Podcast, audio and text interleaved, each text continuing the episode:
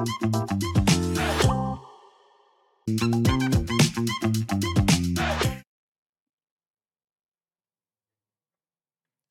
بيكم في حلقة جديدة من The Lovin Cairo Show معاكم منار عيسوي. مجد. جين زي ما أنتم متعودين بنطلع live كل يوم من الحد للخميس نقول لكم آخر الأخبار اللي بتحصل. ولو الحلقة فاتتكم تقدروا تشوفوها على YouTube Lovin Cairo تقدروا تسمعوها على كل البودكاست الموجودة. Apple Podcast أنغامي Spotify Google Podcast Lovin Cairo تقدروا تعملوا لنا mention في أي حاجة بتحصل في Cairo وإحنا هنشوفها وهنرد عليكم. Hi مجد. إيه الاخبار عامل إيه؟ Missed you. آه أنا ما وحشتكوش لا عادي أنتوا ما وحشتنيش sorry بس انت وحشتنا يعني في الشغل كده. أنتوا ما وحشتنيش خلاص يعني أكيد الناس كانت بتسأل عليك الفترة اللي فاتت. مفيش حد سأل عليا. لا في عامة. ما تقولش كده. آه، بس خلاص يا جماعة مجد هيكون يعني مقرر إن هو معانا في ال show إن شاء الله صح؟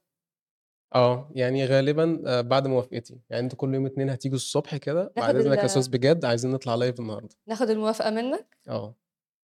okay. ماشي. متواضع جدا يعني هتموتنا الحمد في لله. رب الكون ميزنا بميزه التواضع؟ مم. مش باين. خلينا ناخد ال headlines اللي معانا.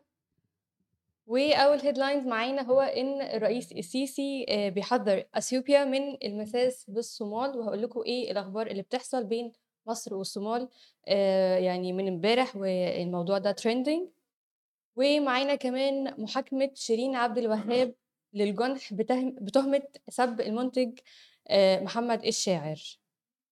معانا إيه كمان الخبر الأخير تقريبا عن آه خبر إن محمد صلاح آه سافر للأسف من من بعثة المنتخب وراح ليفربول تاني فهنعرف بقى التفاصيل في الخبر. okay يعني interesting الخبر ده من امبارح والناس ما بطلتش كلام على ال social media. آه دي صح؟ برضه حاجة مؤسفة جدا إن إحنا نهتم بأخبار زي كده. دي الأخبار بتحصل فيعني طبيعي إن إحنا نهتم بيها. خلينا نبدأ بأول خبر معانا هو إن الرئيس السيسي آه، بيحذر أثيوبيا من المساس بالصومال ويعني قال لهم محدش يجرب مصر.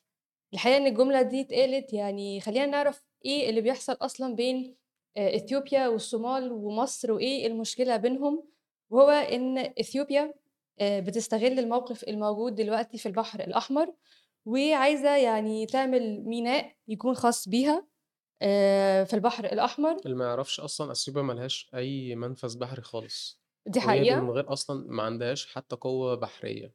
هي دي هتبقى أول قوة بحرية لإثيوبيا من أول ما اتعملت أصلا يعني. دي حقيقة. ويعني امبارح كان الكلام بين الرئيس عبد الفتاح السيسي ورئيس الصومال حسن الشيخ محمود والكلام بينهم يعني كان بيدور على الاتفاق بتاع إثيوبيا اللي بتحاول تنفذه وهو مع أرض الصومال. وخلينا أوضح لكم إن أرض الصومال هي دولة مختلفة عن الصومال. يعني كانوا زمان حاجة آه، واحدة ولكن انقسموا وبقت كل حاجة منفصلة. فدلوقتي إثيوبيا بتحاول تعمل اتفاق مع أرض الصومال okay. ودي اللي إحنا قلنا عليها هو غير الاتفاق حصل أصلا. غير دولة الصومال. هو الاتفاق حصل ما هي هو- بتحاول إن هي بقى تنفذه. هو هم وقعوا الاتفاق already أصلا وهيتنفذ. ولكن عشان يوقع عليه برضو مفروض مصر آه والصومال. لأن ده. هيأثر ده هيأثر على البحر الأحمر خلينا فهيضر الدول المجاورة واللي هي مصر واقعيين ونقول إن مصر مله- ملهاش مش لازم توقع على اتفاقيه زي كده دي لأن دي أرض المفروض يعني اسمها Somalia Land أو Somalis Land حاجة زي كده. okay. اسمها فهي هي اللي عملت الاتفاق ده. بس هي الفكرة كلها إن Somalia Land دي أو Somaliland مش معترف بيها خالص من أي دولة تقريبا غير دولتين لأنها تعتبر عايزين يكونوا الدولة في أرض أرض الصومال ذات نفسها. ما هي الفكرة إن إن أرض الصومال هي موقعها استراتيجي جدا لأن هي بتبص على خليج عدن وبعدها جيبوتي والبحر الأحمر. يعني كل ده عند أرض الصومال. أوكي. فإثيوبيا يعني شافت إن الموقع ده استراتيجي جدا وقالت إن هي يعني تلحق وتعمل الاتفاق ده مع أرض الصومال. المتضرر منه مين؟ المتضرر منه مصر والصومال. إيه وجه خليني؟ أأكد لكم تاني إن أرض الصومال مختلفة عن دولة الصومال. أوكي؟ فإمبارح كان الرئيس عبد الفتاح السيسي ورئيس الصومال حسن شيخ محمود كانوا بيتكلموا عن إن الاتفاق ده مش هيتم وإن مصر والصومال يعني أعربوا إن هم يعني كل الاعتراض الكامل على الاتفاق ده. والسيسي يعني قال في جملة كده أو فيديو كان بيتكرر من امبارح وهو إن ما حدش يجرب مصر. الجملة دي اتقالت ولفت ال social media، ويعني خلّيني برضه أقول لكم إن إثيوبيا بتستغل الموقف ال البحر الأحمر فيه، و يعني يكون إن هو في توترات من ناحية اليمن، من ناحية السفن، من ناحية قناة السويس، فهي بتستغل الموقف ده،. ف وقالت تعمل الاتفاق في ال في الوقت الحرج ده، تلحق يعني. ما هو أنا عايز برضه أقول إن ده برضه ده موقف يخلّينا لازم ناخد action call to action زي ما بيقولوا أو okay. أي action بعيدًا بقى عن التصريحات واللي إحنا بقى لنا تقريبًا 6، 7 سنين فيها تصريحات okay. بس، ومفاوضات ما لهاش أي جدوى، وزي ما أنتِ بتقولي ال التحركات في البحر الأحمر من حيث بقى إن الحوثيين أو أنصار الله أيًا كان بيحبوا يتقال عنهم إيه، يضربوا السفن ال تبع الاحتلال الإسرائيلي، اهم. وبرضه التحالف اللي عملته أمريكا وبريطانيا إن هم يضربوا الحوثيين، فكل دي تقلبات في البحر الأحمر. كل دي تقلبات في البحر وكل دي الأحمر. بتخلق مساحات للدول إن تقدر هي تعمل تستغل الموقف. طب أ أنت دلوقتي في دولة زي أثيوبيا استغلته، أنت فين من الاستغلال ده؟ ما هو هو هو موجود فين؟ يعني هو موجود مع رئيس الصومال بيقولوا إن أيوه ما أنا إحنا باقول لك أثيوبيا استغلته.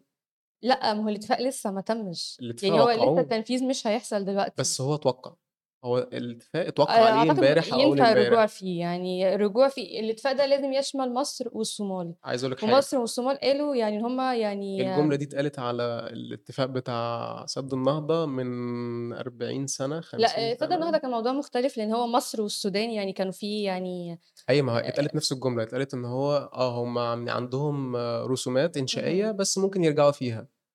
فضلنا نقول الجملة دي أوكي. لغاية أمّا سد النهضة بقى أمر واقع،. وبقى خلاص 100% مليان، 100% شغال، 100% بي بيسد عنا كوتة كوتة المَيّة بتاعتنا، اللي المفروض إحنا برضه زي ما أنا برضه عندي نظرية في الحتة دي. أثيوبيا مش غلطانة في اللي هي بتعمله أوي، أثيوبيا غلطانة في إن هي مش بتقعد معانا أو إحنا ما بنقعدش مع بعض وكل واحد يحدد النسبة اللي تقدر هي محتاجاها. إحنا قعدنا مع إثيوبيا كتير، ولكن المشكلة إن إثيوبيا مش عايزة تحدد النسبة اللي هي هتدّيها لمصر، هي مش عايزة تحط أي percentage أو أي نسبة محددة، وهنا كان يعني معاها اختلاف بيننا قعدنا بعد ما بنوا السد مش قبل ما يبنوا السد. آآ كان في في خلال مراحل السد. هي دي إن حقيقة. إحنا كنا متجاهلين جدًا أثيوبيا ومهمشينها جدًا، ما بنعملش أي تع اتفاقات معاهم، فده برضه كان سبب من الأسباب إن إحنا كان لازم نهتم بالقارة السمرا شوية، اهم. إحنا ما كناش مهتمين بيها. آآ اللي مهتم أوي بالقمرة بالقارة السمرا الفترة دي الاحتلال الإسرائيلي، عشان مصالحه يعني هتمُر من ناحيتها، دي حقيقة. بيدّي فلوس جامد، بيبني بنية تحتية لدول أفريقية كتير، وفي دول أفريقية كتير لو خدتوا بالكم حتى في في الموقف الفلسطيني بتدعم آآ نظرة الاحتلال لمجرد إن هو بيدعمهم في بنية تحتية، بيبنوا لهم مدارس، هو اللي بيدّي وجهة نظرهم، وده برضه بسبب إن إحنا إيه؟ ناسيين الدول دي خالص. هي الدول دي يعني بدأت تشتغل على نفسها جامد الفترة الأخيرة، حقيقي. ودي يعني الحاجة اللي إحنا يعني ما نقدرش إن إحنا نقول غير كده، وبالتالي هم يعني بيتقدموا يعني، ودي حاجة كويسة برضه، ولكن آآ مش على حساب أنا أنا بس. أنا عايز أبلّغ محمد اللي هو الoperator إن ال الإنستجرام فيه مشكلة، آه كده اتضبط تاني. شكرًا يا أوكي. محمد. شكرًا ليك جدًا. فيعني المفروض إن العلاقات يعني هتفضل فيها التوطيد، ويعني الصومال آه يعني ومصر ده اللي أكدوا عليه امبارح، إن يعني العلاقات بينهم هتكون مستمرة، وهنشوف الفترة اللي جاية إيه اللي هيحصل، وبرضه مع التأكيد آآ لرفض الاتفاق بين إثيوبيا وأرض الصومال. آآ معانا headlines إيه تانية أو معانا أخبار إيه تانية بجد؟ الخبر التاني هو كان trend أوي على السوشيال ميديا، إن هو جينا في مرة واحدة كده بعد ما شُفنا محمد صلاح خرج في إصاب في إصابة من الشوط الأول في الماتش الأخير في كأس الأمم الأفريقية، آآ الأخبار بتقول إن هو سافر رجع ليفربول، وبعد كده طلع خبر عن على لسان كلوب إن محمد صلاح هيتعالج في ليفربول، ولو مصر اتأهلت هيرجع منتخب مصر. أوكي. فده برضه كان حاجة مُحبطة شوية، لإن ال إحنا أُحبطنا إلى حدٍ ما شوية، أمّا محمد صلاح خرج بإصابة في الشوط الأول، اهم. ودي مش من عادته أصلًا، إن هو شغال نحلة هناك في الدوري الإنجليزي، بييجي عندنا ي يتعب شوية مش عارفين ليه برضه، فخرج في إصابة من الشوط الأول، آآ وبرضه مش عايز يعني مش مش ده مش تحليل، بس خروج محمد صلاح في الشوط الأول كان سبب من أسباب دخول الجونين في مصر أول جونين، يعني هم اتقدموا عندنا علينا بجون، التاني بعد كده إحنا اتعادلنا 2-2 في الآخر. فخبر إن يطلع إن محمد صلاح سافر عشان يتعالج في ليفربول، طب ما أنت ممكن تعالج مع المعسكر. مع المعسكر هنا في مصر؟ لأ المعسكر مش في مصر، المعسكر هناك في آه كوت ديفوار؟ آه، فأنت ممكن تقعد هناك وتتعالج وعلى الأقل ت support زمايلك يعني في الماتشات الجاية. إيه الفرق آآ بين إنجلترا وكوت ديفوار؟ آآ ك من ناحية إيه، من الناحية الصحية والّا من ناحية من إيه؟ ما لازم يعني كتير. الاتنين أنت هناك مع مع الفريق بتاعك، بس هنا برضه مع المنتخب بتاعك، يعني أنت أنت ماشي أنا كده مع المنتخب بتاعي، ولكن شايف إن أنا ما ليش دور أساسي دلوقتي أقدر أقدّمه لأ، ليك للمنتخب. دور أساسي. محمد صلاح مش الدور الدور الأساسي الأساسي بتاع محمد صلاح أنت الكابتن بتاع الفريق. هو ممكن يكون معتقد السبورت بتاع الفريق، أنت وجودك عشان برضه نبقى فاهم ليه مح ليه دخل فينا جونين، محمد صلاح كده، كده ما بيدخّلش أجوان مع المنتخب، بس ال المنفعة الوحيد بالنسبة لي لمحمد صلاح إن هو أول ما بينزل الماتش بيشد له 2، 3 من مدافعين المنت الفريق اللي قصادنا، أوكي. بيفضلوا مركّزين معاه. فالفريق اللي قصادك ما بيهاجمش، لإن هو مركّز مع محمد صلاح. بس اهم. خدتِ لو خدتِ بالِك بعد ما محمد صلاح خرج، ال2، 3 اللي كانوا مركّزين مع محمد صلاح مع يهاجموا. علينا، إمم. ودخلوا فينا جونين. فهي دي فايدة محمد صلاح في المنتخب الصراحة بالنسبة لي يعني، ده رأي شخصي ما لوش ماشي، يعني في ناس تانية طبعًا الخبر ده يا جماعة يعني من امبارح وهو trending على X آه. وtrending على كل السوشيال ميديا، وإن هو غياب محمد صلاح على آآ ال عن المباراة ال إمتى؟ الماتشين الجايين مش مش ماتش آه، واحد. لأ هو في إصابة، خلّينا نقول إن هو آه. لسه في إصابة، بس يعني يعني إحنا مش عارفين هو هيرجع إمتى، ولكن قالوا يعني في حالة إن مصر صعدت آآ واتأهلت للfinal فوقتها يعني ممكن يكون يعني بقى أحسن ويقدر إن هو يرجع تاني. آه، هم قالوا إنه ممكن يرجع لو مصر اتأهلت للنهائي، و ولكن في ناس كتير كانت آمالنا أصلًا في بتهاجم النهائي بقت ضعيفة جدًا أصلًا. في ناس كتير كانت بتهاجم يعني ال ال آمم الstatement دي أو الجملة دي، فكرة إن محمد صلاح يرجع تاني وقت الfinal بتقول يعني خلاص إحنا يعني لو إحنا مرّينا بالحاجات الصعبة كلّها مع المنتخب والتشكيلة الأساسية، فخلاص هنكون يعني وقتها هنكمّل الfinal حتى بالتشكيلة الأساسية بدون محمد صلاح. وناس تانية شايفة إن هو يعني الإصابة كانت كبيرة، هو اتصاب في الماتش اللي فات في الشوط الأول، إمم. و والإصابة كانت كبيرة ودي حاجة إحنا ما نقدرش إن إحنا نحددها، يعني أكيد هو الموجوع وهو اللي حاسس بالإصابة. لأ، هو الدكتور بيحدد عادي. ماشي الدكتور يعني هو بيشخّص. إحنا إحنا باتكلم إحنا يعني كجمهور ما نقدرش إن إحنا نقول إن محمد صلاح يقدر يلعب هو بُص ما عمومًا الكواليس دي تظهر بعد كأس الأمم عامةً، لإن أي بقى ممكن مثلًا الدكتور اللي كشف عليه يطلع يتكلم في الصحافة، الهيئة أوكي. الطبية، فالحاجات دي كلها هتظهر يعني. بس يعني أنا برضه عندي مشكلة في أخبار محمد صلاح والأخبار السوشيال ال light دي. هي بتنتشر أوي على على ال على السوشيال وبقينا بندّيها اهتمام أك أكتر من اللازم، زي أخبار محمد صلاح، أخبار صلاح محسن. هي بطولة إفريقية يعني كبيرة يعني م طبيعي في إن إحنا حاجات أهم من ندّيها محمد صلاح يا شباب، ومن إحنا إحنا الحاجات مدّيين ال. الأهمية للبطولة إن إحنا عايزين مصر عايزة تكسب البطولة دي، بس ولكن في مش في م مش محمد صلاح ك يعني لأ، هو ال الخبر كان محمد صلاح ما كانش البطولة، إحنا إحنا ماشي عشان ادعكنا في الماتش ده. تأثير غياب محمد صلاح على البطولة. آآ أنا عامةً أنا ما باتكلمش على محمد صلاح بس، بس باتكلم إن في حاجات أهم من الكورة، حاجات أهم نتكلم فيها عن الحاجات دي كلها يعني. طبيعي في يعني جوانب إمم. تانية للحياة نتكلم عنها، ولكن دي الحاجات اللي كانت trending على السوشيال ميديا من امبارح وبقى آه، لها يعني دي يعني مشكلتي مع الtrending news في مستمرة. مصر. آآ معانا آخر آآ خبر وهو محاكمة شيرين عبد الوهاب للجُنح بسبب سَب المنتج محمد الشاعر. اللي حصل يعني هم ما قالوش إيه الأحداث بالضبط اللي حصلت، ولكن كفاية كان كده يا في شيرين؟ كفاية أحداث. هي شيرين كانت بتتطلق وتتجوز في ال خلال السنة تقريبًا دي 3، 4 مرات، يعني هي trend تقريبًا 6 مرات في السنة. هي trending بقى لها فترة كبيرة، وده يعني بسبب حاجات كتير منها يعني شركة روتانا يعني آه. و وحاجات كتير وحاجا وقضايا دخلت فيها برضه، ولكن آخر حاجة وهي خبر يعني نزل امبارح هو محاكمة شيرين بسبب سَب المنتج محمد الشاعر، ويعني ده اللي حصل كانوا في آآ media conference واللي حصل برضه إن كان في شهود عيان قالوا إن هي يعني سَبِّته، وهو الحقيقة ما سكتش وعمل آآ رفع قضية عليها وأول جلسة فيها هتكون الشهر الجاي. أوكي. فيعني س الإجراءات اتاخدت بسرعة جدًا، آآ من الناحية السيبرالية يعني خدوا يعني احتياطاتهم واتأكدوا إن فعلًا كان في سَب والّا لأ، فالموضوع يعني انتشر برضه وحددوا المحاكمة فيه. دي حاجة سريعة يعني جدًا يعني ما أ كنتش ما كنتش إن الموضوع بنتمنى من القضاء إن هو ياخذ مجراه. يعمل إيه؟ يأخذ مجراه. يعني آه، ما هو هياخد مجراه إن شاء الله. لإن كفاية كده يا شيرين. هي شيرين بقى لها فترة يعني عاملة فعلًا قلق. يعني كفاية أخبار عن بتحاول، يعني هي شيرين. بجد هي كل ما بتحاول هي تبعد عن آآ أي حاجة تعمل قلق، يعني ما تفهمش بقى إيه اللي بيحصل، أنتِ بيجيبوها تاني. س أنا ما عنديش مشكلة مع ش بس أنتِ مع كمية الأخبار اللي بتطلع من شيرين ما تفتكريش ممكن في ثانية إن شيرين هي الجانب الغلط؟ الجانب الغلط؟ آه، من القصة أو هي ال الdark side من الstory ذات نفسها مش الجانب ما يعني ما التاني؟ أعتقدش ممكن يكون في بعض القصص أو بعض ال ال ده شباب support for gender مش أكتر. لأ، ده يعني being objective أنت مش عارف إيه اللي بيحصل، أنت مش عارف الdetails كلّها، فطبيعي أنا معاك وأنت طبعًا برّه. طبعًا مش عارفين القصة كلّها أكيد، صح. بس كمية القلق اللي هي المفروض أصلًا الموضوع من بدايته ينتهي، بس أنتِ مستمرة فيه.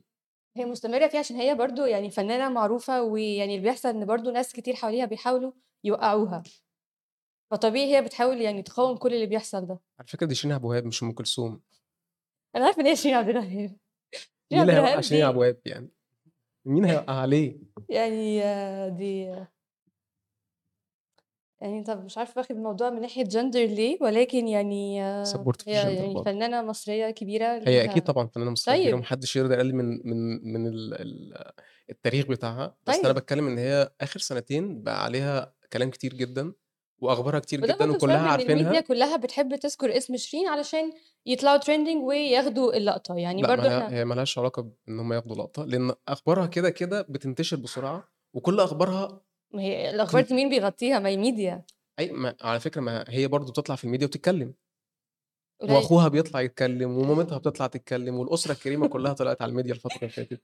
أوكي. فهي لأ بقى لها سنتين مُقلقة أوي. مُقلقة آه. آه. أوكي، يعني لو في أي details برضه في أي حاجة من اللي إحنا قُلناها أو أي خبر من اللي إحنا قُلناه لكم، تقدروا تتابعوها على Lovin Cairo على الإنستجرام، دي كانت كل الأخبار معانا النهارده، ولو حابين تتابعوا الحلقة تقدروا تشوفوها على يوتيوب Lovin Cairo تقدروا تسمعوها على كل البودكاست الموجودة، ويعني ما تروحوش في أي حتة عشان إحنا معانا very special guest بعد ال break. أوكي، bye. bye.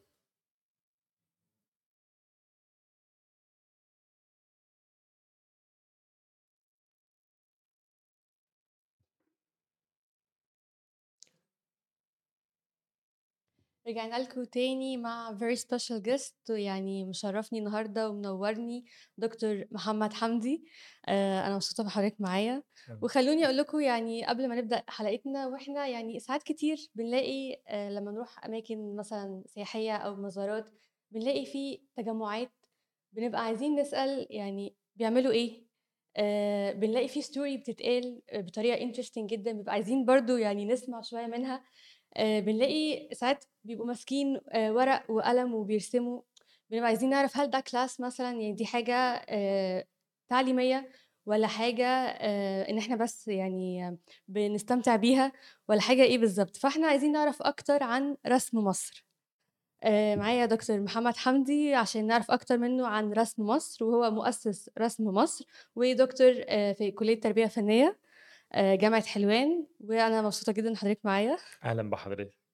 آآ الناس عايزة تعرف أكتر يا دكتور. عن رسم مصر، يعني بدأ إزاي؟ آآ بقى له قد إيه؟ آمم إيه الصعاب اللي واجهته؟ يعني خلّينا كده نبدأ بهو بدأ إزاي وبقى له قد إيه؟ إحنا بقى لنا 5 سنين دلوقتي شغالين،. بننزل نرسم ونحكي قصص الشوارع. في البداية زي ما حضرتك أشرتِ كده، كنت باخد الطلبة بتوعي في الكلية بننزل نرسم،. وبعدين حبيت أخلّي الموضوع دوًّا مش أكاديمي، يعني وسّعنا الفكرة شوية. اللي حصل إن الطلبة بدأوا يقولوا لبعض، وابتدى ناس من خارج الكليات الفنية ينضموا إلينا. وبعدين إحنا عشان ننزل نرسم مكان، فابتدى في محتوى تاريخي نتكلم عنه. واكتشفت إن الناس آآ بتعنى أكتر بال بالقصص اللي حوالين المحتوى التاريخي دوّة. يعني بنتكلم عن ولاد البلد والحرافيش، ونتكلم عن أسماء الشوارع، ونتكلم عن أسماء الأكلات الشعبية، والأمثال والأغاني والحواديت والأساطير، كل الحاجات دي بنبحث فيها وبتبقى نقطة البدء.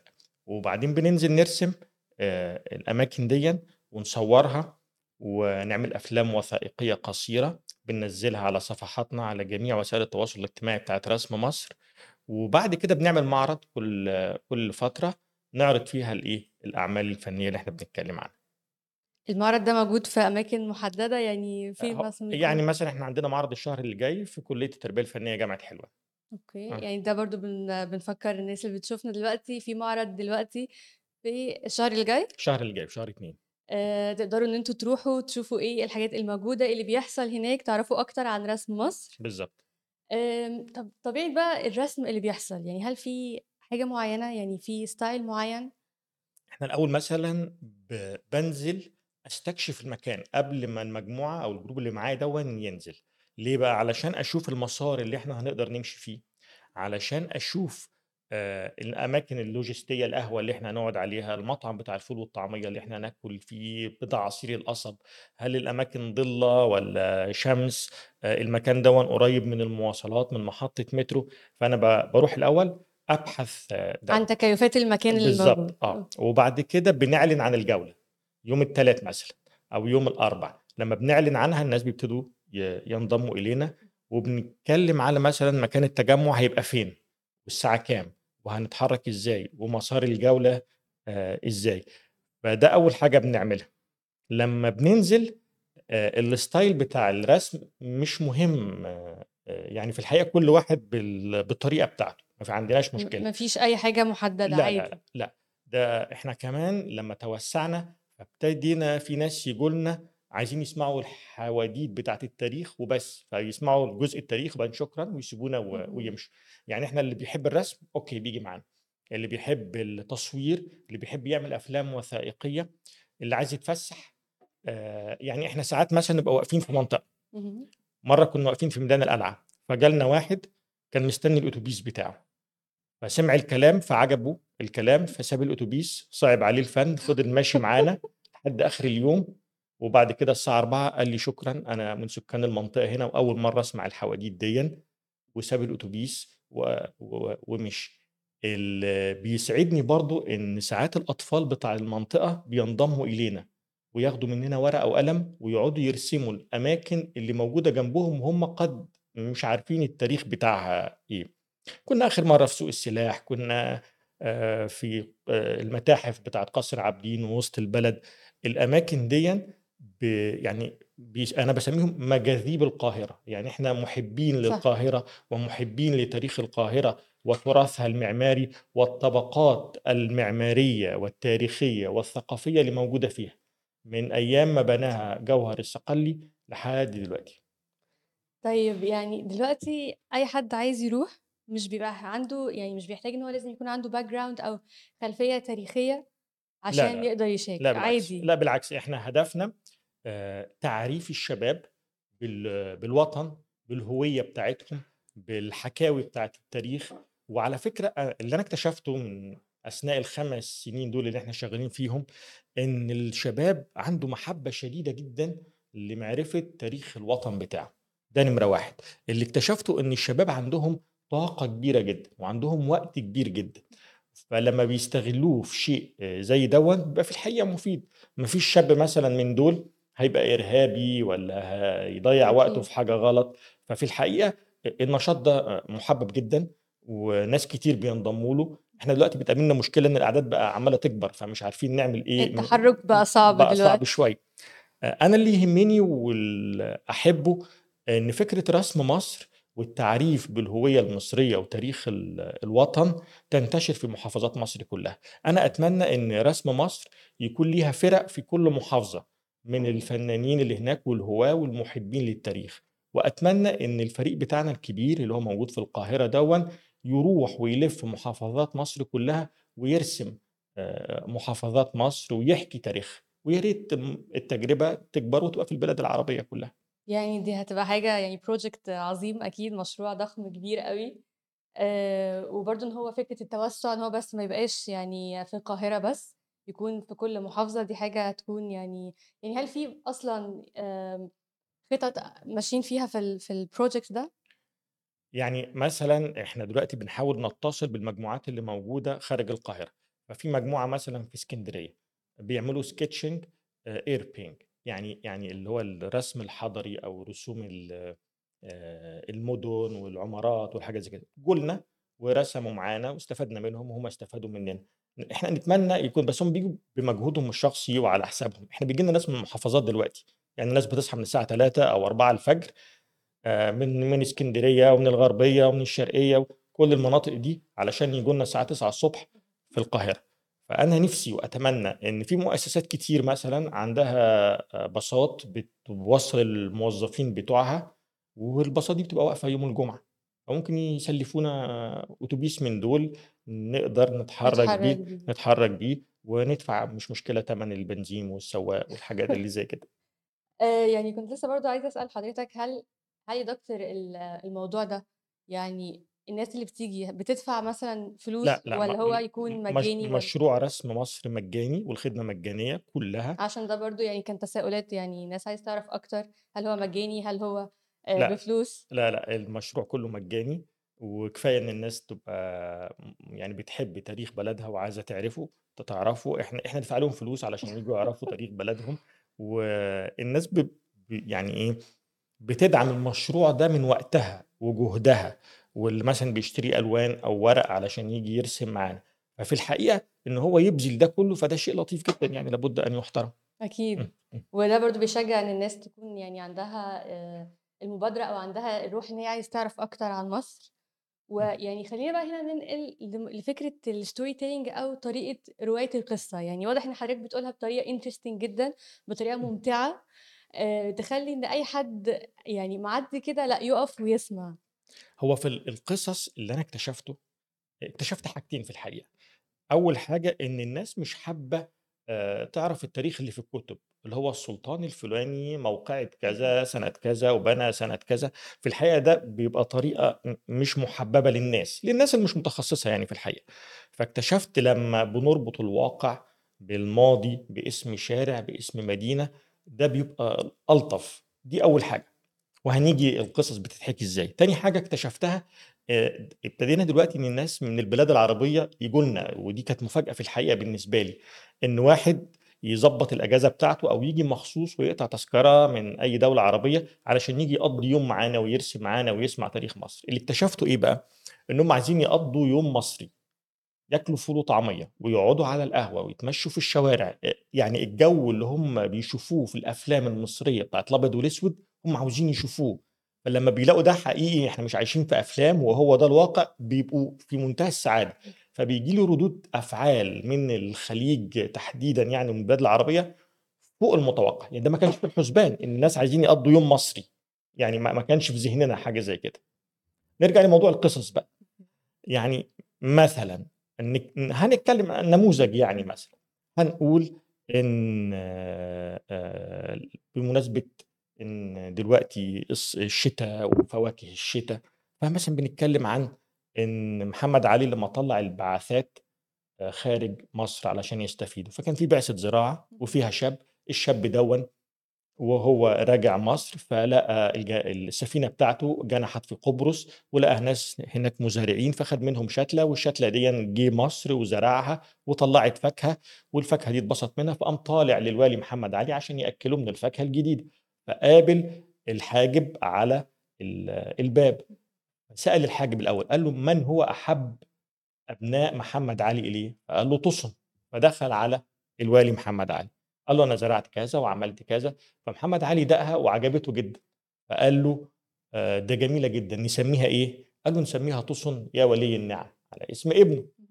فابتسم محمد علي وقال له: "لأ، أنت اسمك إيه؟" فقال له: "اسمي يوسف." قال له: "خلاص نسميها إيه؟ يوستفندي." فبقت ياه! يوسف أفندي، وهكذا. هي دي القصص اللي بتبقى نرتبط بيها والناس بتحبها. عرفنا إمم. البعثات بتاعة محمد علي، عرفنا أصل اليوستفندي، ففي الحقيقة اللي إحنا بنعمله في رسم مصر هو ده بيكون ذريعة علشان الناس تبحث أكتر في التاريخ. طب ويعني حضرتك ذكرت دلوقتي إن في ناس بتيجي من الوطن العربي، فإزاي رسم مصر بيتوسّع أو إيه الخطط بتاعته التوسُّعية إن هو آآ يبقى ينتشر وبرضه إن هو يوصل للمحافظات؟ يعني إيه الخطط دلوقتي ال اللي شغّالة أو إزاي مثلًا على ال social media ما هو دلوقتي يعني آآ الأكتر الانتشار لينا بقى على وسائل التواصل الاجتماعي،. يعني بقى عندنا بعشرات الآلاف في الحقيقة متابعين، وعلى إنستجرام وعلى تيك توك وعلى يوتيوب فيسبوك على كله في الحقيقة يعني فبيجي لنا ردود الأفعال دي وما كناش متخيلينها هتبقى كده. أنا تواصلت مع كتير من الجهات الرسمية علشان الدعم والدعم مش عايزين دعم مادي. يعني زي ما قلت لحضرتك إحنا شغالين بشكل مجاني وتطوعي من البداية وإن شاء الله إلى النهاية هنشتغل بهذه الإيه؟ الكيفية. فيبدو أنا ما عرفتش أوصل وجهة النظر أو هم عندهم البرامج بتاعتهم فكففت عن هذا الموضوع. واكتشفت إن إحنا طول ما إحنا شغالين بشكل حر كده ولطيف آه، ده شيء جميل جدا. لو هنخش بقى في ادابير الموظفين وروتين الموظفين ممكن الموضوع يبوظ أو ما يمشيش يعني. آه لكن أنا في الحقيقة الموضوع شغال كده بشكل جيد قائم على جهود الشباب. في الحقيقة أنا يعني بقضي وقت طويل سواء للتحضير سواء للمذاكرة ما أنا لازم أذاكر برضه وأرجع للمراجع العلمية. إن في البداية مثلا ما ينفعش أغلط غلطة تاريخية. أكيد. فلازم آه، وساعات بيبقى آه، وجهة النظر ليها أو الرؤية التاريخية ليها عدة وجهات نظر. مهم. فبأعرض جميع وجهات النظر وجميع الآراء ولا أتحيز لرأي من هذه الآراء وأسيب المتلقي هو يحكم على هذه الحقبة. هو اللي يحدد يعني. بالظبط آه، طب إيه الأماكن اللي الناس يعني اتبسطت فيها قوي حبيتها قوي وحاسين إن هم عايزين يروحوا تاني يزوروها. تمام. آه هو إحنا آه، في البداية يعني رحنا الأماكن المشهورة شارع المعز الحاجات اللي هي المشهورة دي.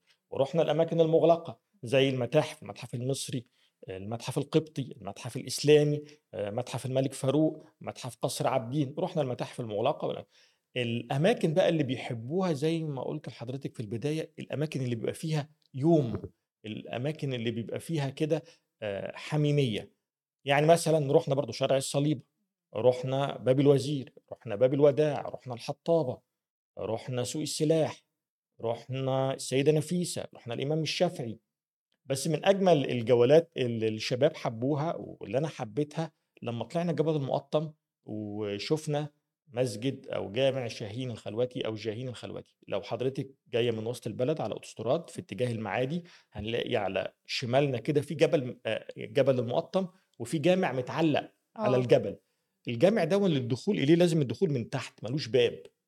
هي منطقة صوفية جدا وادي المستضعفين والناس اللي كانوا منقطعين م- مش المسلمين وبس ده من قبلهم. يعني المتصوفة أو الرهبان الأقباط احتفروا لأنفسهم خلاوي وأماكن للتعبد وجم المسلمين بعد كده بنوا أماكن. وهنلاقي تحت بقى مين؟ هنلاقي عمر بن الفارض اللي هو الشاعر الصوفي الكبير. هنلاقي عبد الله بن أبي جمرة. هنلاقي معبد السيدة نفيسة.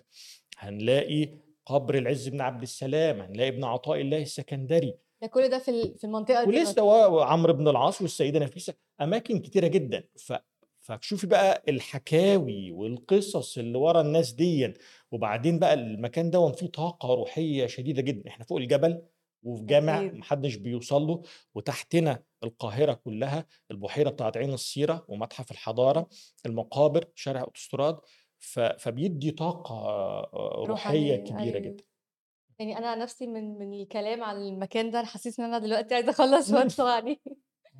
آه، طب إيه بقى الخطة اللي جاية؟ يعني خطة المزارات اللي جاية الفترة آه، اللي جاية. وبرضو يعني حضرتك هتحضر لها إزاي؟ مم.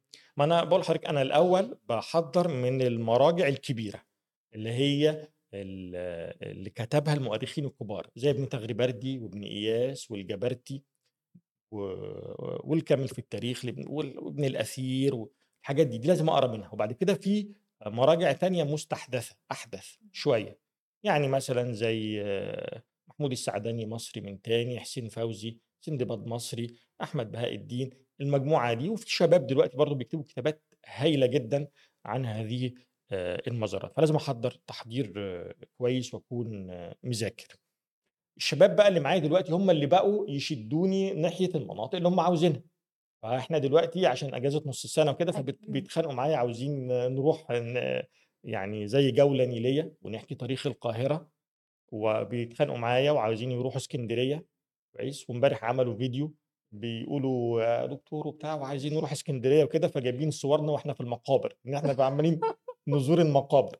فهم عايزين يطلعوا اسكندرية وعايزين جولة نيلية. إحنا عملنا الجولة النيلية دي قبل كده ولا مثلا لما بنلف حوالين جزيرة الزمالك وبنحكي تاريخ إنشاء القاهرة وال والزمالك، وإن هو كان في جزيرة في النُص اسمها جزي يعني بعد جزيرة المنيل، منيل الروضة، كان في جزيرة اسمها جزيرة أروى، وبعد كده جزيرة حليمة، وبعد كده جزيرة أروى دي اتقسمت نُصّين، نُص لحّم في جزيرة حليمة ديًّا وبقى الزمالك، آآ وعلشان كده بيسموها الجزيرة الوسطى، ولحد دلوقتي في شارع في الزمالك اسمه شارع الجزيرة الوسطى، والجزء التاني لحم في آآ آآ ميدان التحرير وكان اسمها جزيرة العبيط عشان كان فيها شيخ اسمه الشيخ محمد العبيط، الشيخ محمد العبيط ده كان ليه جامع اللي هو مكان جامع عمر مكرم دلوقتي، ولحد دلوقتي لو دخلنا جامع عمر مكرم اللي في ميدان التحرير، عمر مكرم مش مدفون هناك، اللي مدفون هناك الشيخ محمد العبيط، هو مكتوب كده ضريح الشيخ. محمد العبيط، عمر مكرم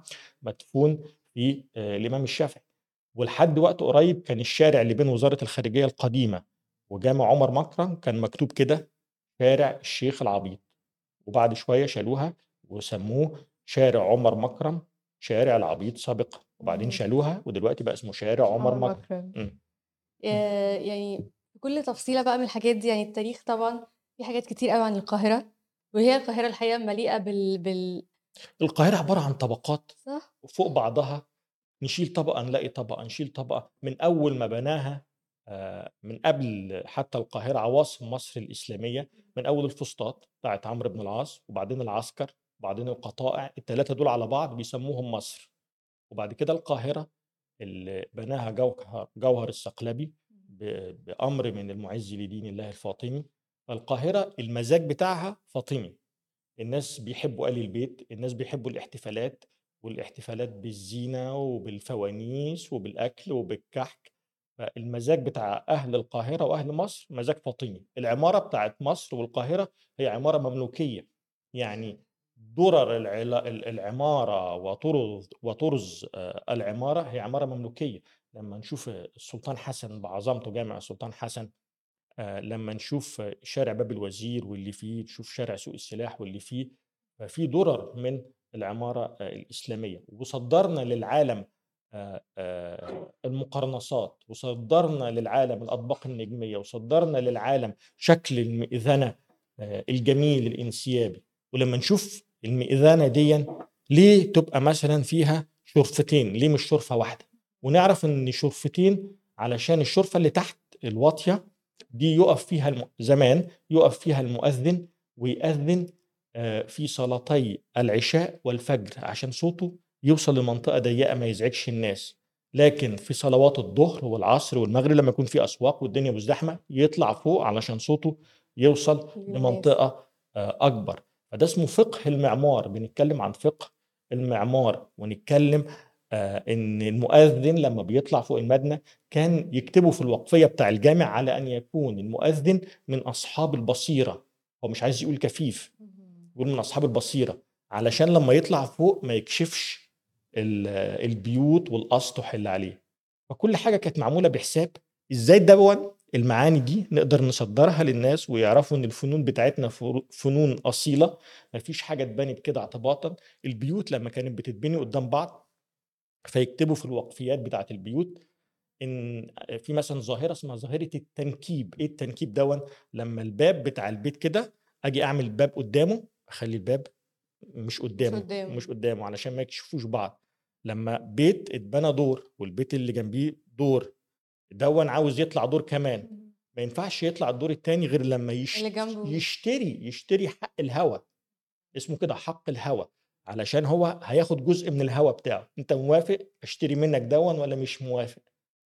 ف آآ ده اللي إحنا بنحاول نوصّله للناس، آآ حواديت الناس وقصص الناس والمعمار وفقه المعمار و و والحلاوة بتاعة بلدنا والجمال بتاع بلدنا، وإزاي دوًّا ي يُعمّق حُبّنا والهوية المصرية عند الشباب تحديدًا. يعني حاسة دي حاجة يعني ممتعة جدًا، خصوصًا إن إحنا يعني نعرف تاريخ بلدنا بطريقة مبسّطة مش بس من الكُتب، لإن الكُتب برضه بتكون يعني مكتوبة بطريقة يعني عايزة دراسة، وإن إحنا نسمعها إن هي يعني قصة بتتقال دي بتكون حاجة بتثبّتها أكتر في دماغنا، وممكن نقدر نحكيها بعد كده. وهو الهدف واللي أنا اكتشفته بعد كده، إن إحنا لمّا بنحكي القصص ديًّا، فدي بتعمل يعني إضاءات أو صح. مناطق نور فالناس اللي حابة وعاوزة بترجع تقرأ بقى على آآ القصة على. القصص ده، فده مكسب كبير، أكيد. وأنا بعد كل مثلًا post أو كل مقال باكتبه، باكتب المراجع اللي أنا استعنت بيها، لسببين، أول سبب عشان اللي عاوز يرجع لها يبقى سهل يرجع لها، تاني سبب يبقى في موثوقية، أكيد. يعني أنا باكتب ب المفروض بشكل علمي هو أي نعم بشكل ساخر ومحبب ولطيف وأجيب حبة من هنا وحبة من هنا، بس لازم في الآخر المعلومة تكون. فب ب لازم أكتب المراجع في كل مرة. المرجع طبعًا أكيد مهم عشان يعني يكون في فعلًا آآ موثوقية زي ما. حضرتك ذكرت.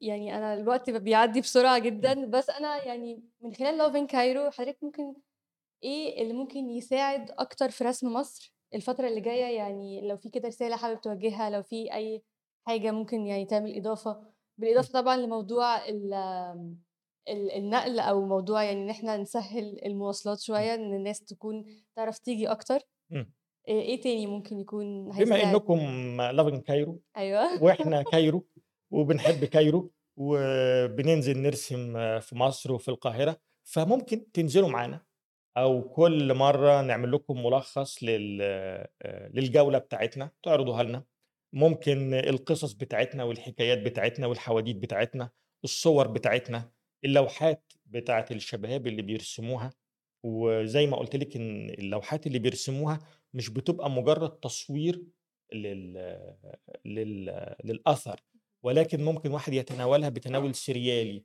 تجريدي، وهُم الشباب بيعلّموا بعض. اهم. البوتقة ديًّا بتنصهر جميع المواهب مع بعضها، وبتطلع حالة لطيفة جدًا. فأنا بقى ال الرسالة اللي من خلالكم هي لكم. يعني دي آه. حاجة يعني تشرّفني إن أنا آجي إمم. أحضر، وأنا هاكون أول الحاضرين كده، كده يعني. اتشرفت. آآ شكرًا دكتور محمد حمدي، يعني نورتني النهارده، وأنا شكرًا. مبسوطة جدًا إن حضرتك قُلت حاجات تسلمي. ممتعة جدًا. آآ دي كانت حلقتنا النهارده، تقدروا تشوفوها على يوتيوب in Cairo، وتقدروا تسمعوها على كل البودكاست، Apple podcast، Google podcast، أنغامي وSpotify. يا رب يكون يومكم حلو. باي.